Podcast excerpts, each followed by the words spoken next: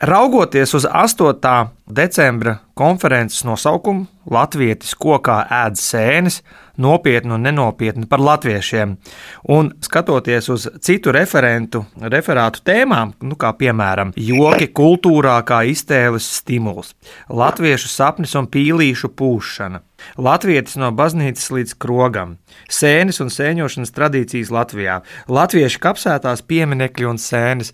Man ir jājautā, tātad akadēmiskais nomināls un šie nosaukumi, ko tad patiesībā šajā konferencē jūs pētīsiet?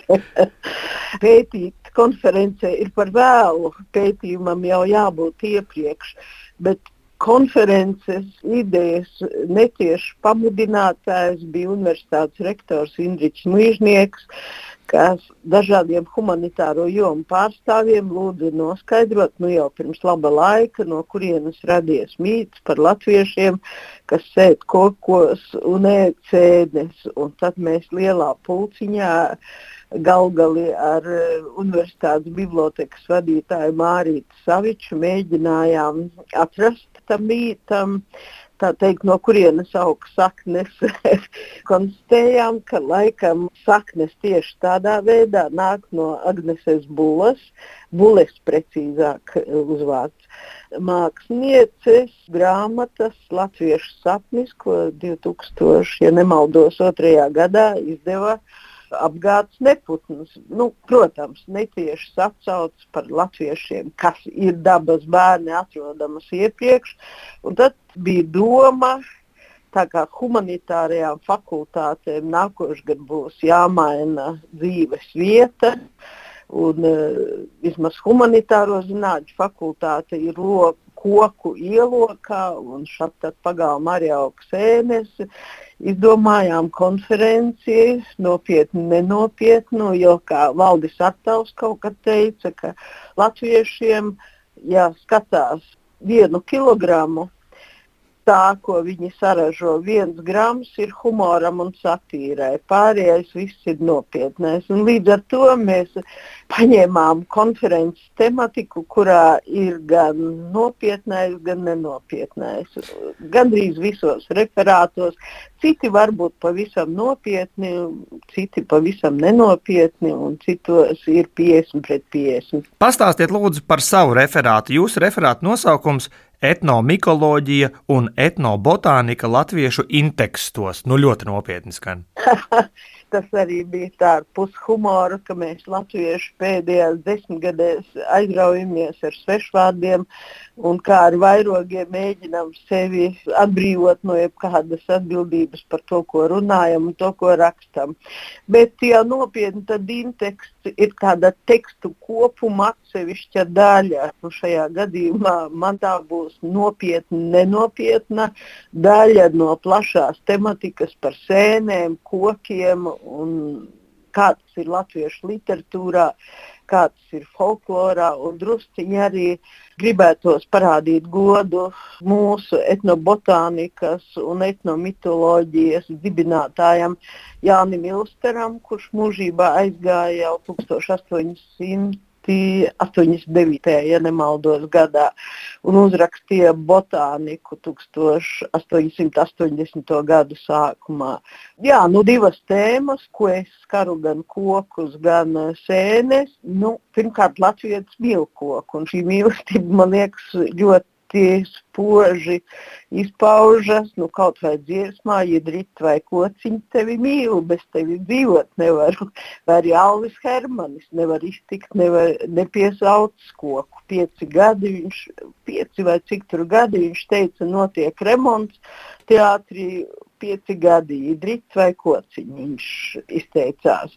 Un latviešiem ir gan kokā kāpē, latviešiem ir kokā lecēji un uh, Jurim Aunānam bija dzējolis, kādam vesela koka lēcējam, puskoka lēcējam zinām. Jā, un pēdējā laikā sēņu tēma ir aktualizējusies ne tikai mākslinieku un dziesminieku vidē, bet arī filozofu vidē, kā mēs redzējām muļķu mājām brīvības Jā. teritorijā, ko Rīgas laiks aizsāk. Jā, nu, laikam tā sēņu tēma, kas ir izsenis kopta un es teiktu pat neakcentēt Rīgas laiku, es nebiju aktīvi klāt, bet atsauksmes ir plaši dzirdētas.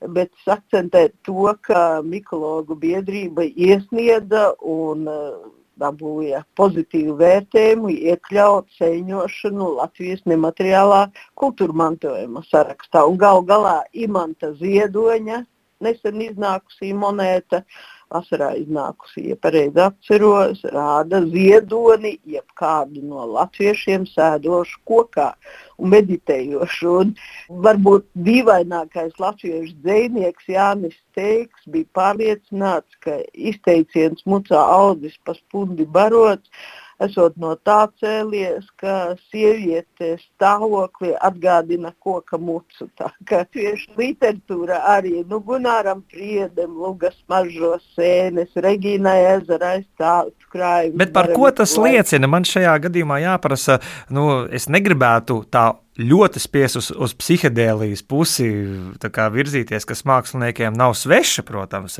visā plašā Jā. pasaulē.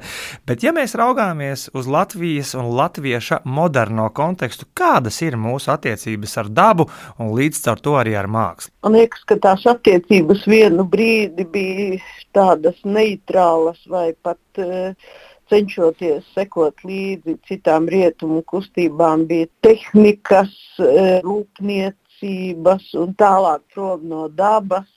Bet vienā brīdī mēs aptvērām, kad uznāk krīze, tad eh, vienīgais glābiņš ir atgriezties pie dabas, un kad mums kāds galīgi lien virsū, tad mēs sakam, ej bekot, un pretī saņemam, ej pats bekot, beka tāds. Un Treimanim Zvārgulim ir, manuprāt, izcila četrinde par to, ko Latvijas dara izmisumā, kad Tomenēja ar vīru netikās vairs bārties, tā izskrēja uz mežu solīdamās kārties, vīrs gāja viņai pakaļ balss kā mēnesis un redzēja, ka viņa lasa sēnes. Latvijas jebko var atrisināt, lasot sēnes. Man negribētos arī par ogām aizmirst, par eh, kokiem, nu, skalbēm, kad mani nomāca dzīves sloks, es gribētu būt mežā koks un tā tālāk. Latviešu literatūra, latviešu mentalitāte, man liekas, paldies Dievam, ir tomēr paudžu paudzē saistīta ar dabu. Un šajā situācijā, kad apkārt pasaulē, Eiropā, pasaulē pamati ļogās un nevar saprast, pie kā tverties, nu, tad redz izēju, varbūt lasīt cēnas un nomierināties. Sakiet, nu, nobeigumā ar šādu zināšanu bāzi, kāda ir jums, vai jūs apmeklējot izrādes, izstādes, koncertus vai kādus citus kultūras mākslas pasākumus, uzreiz varat nu, tā noteikt, kuram autoram ir cieša saikne ar dabu un kuram ir viņš tā kā atsvešinājies būt? Nu, vai uzreiz, vai ar laiciņu, tomēr var pateikt. Bet otrs, nav jau obligāti jābūt darbā izteiktai saiknei, bet Latvijas vismaz vasarā vai Latvijā dzīvojušais skatīsimies plašāk, arī poļus ietversim, arī citas tautas, kas Latvijā dzīvo. Un ne tikai Latvijā, es domāju, Austrum Eiropā tā dabas izjūta nav pazudusi. Un mēs viens otru citu, citu sajūtam radniecīgu satiekot sēņojot, vai jogojot, vai vienkārši baudot dabu, vai arī lasot literatūras darbu. Un jūtam pēc smaržas, kā prieda teica, ka smaržo sēnes.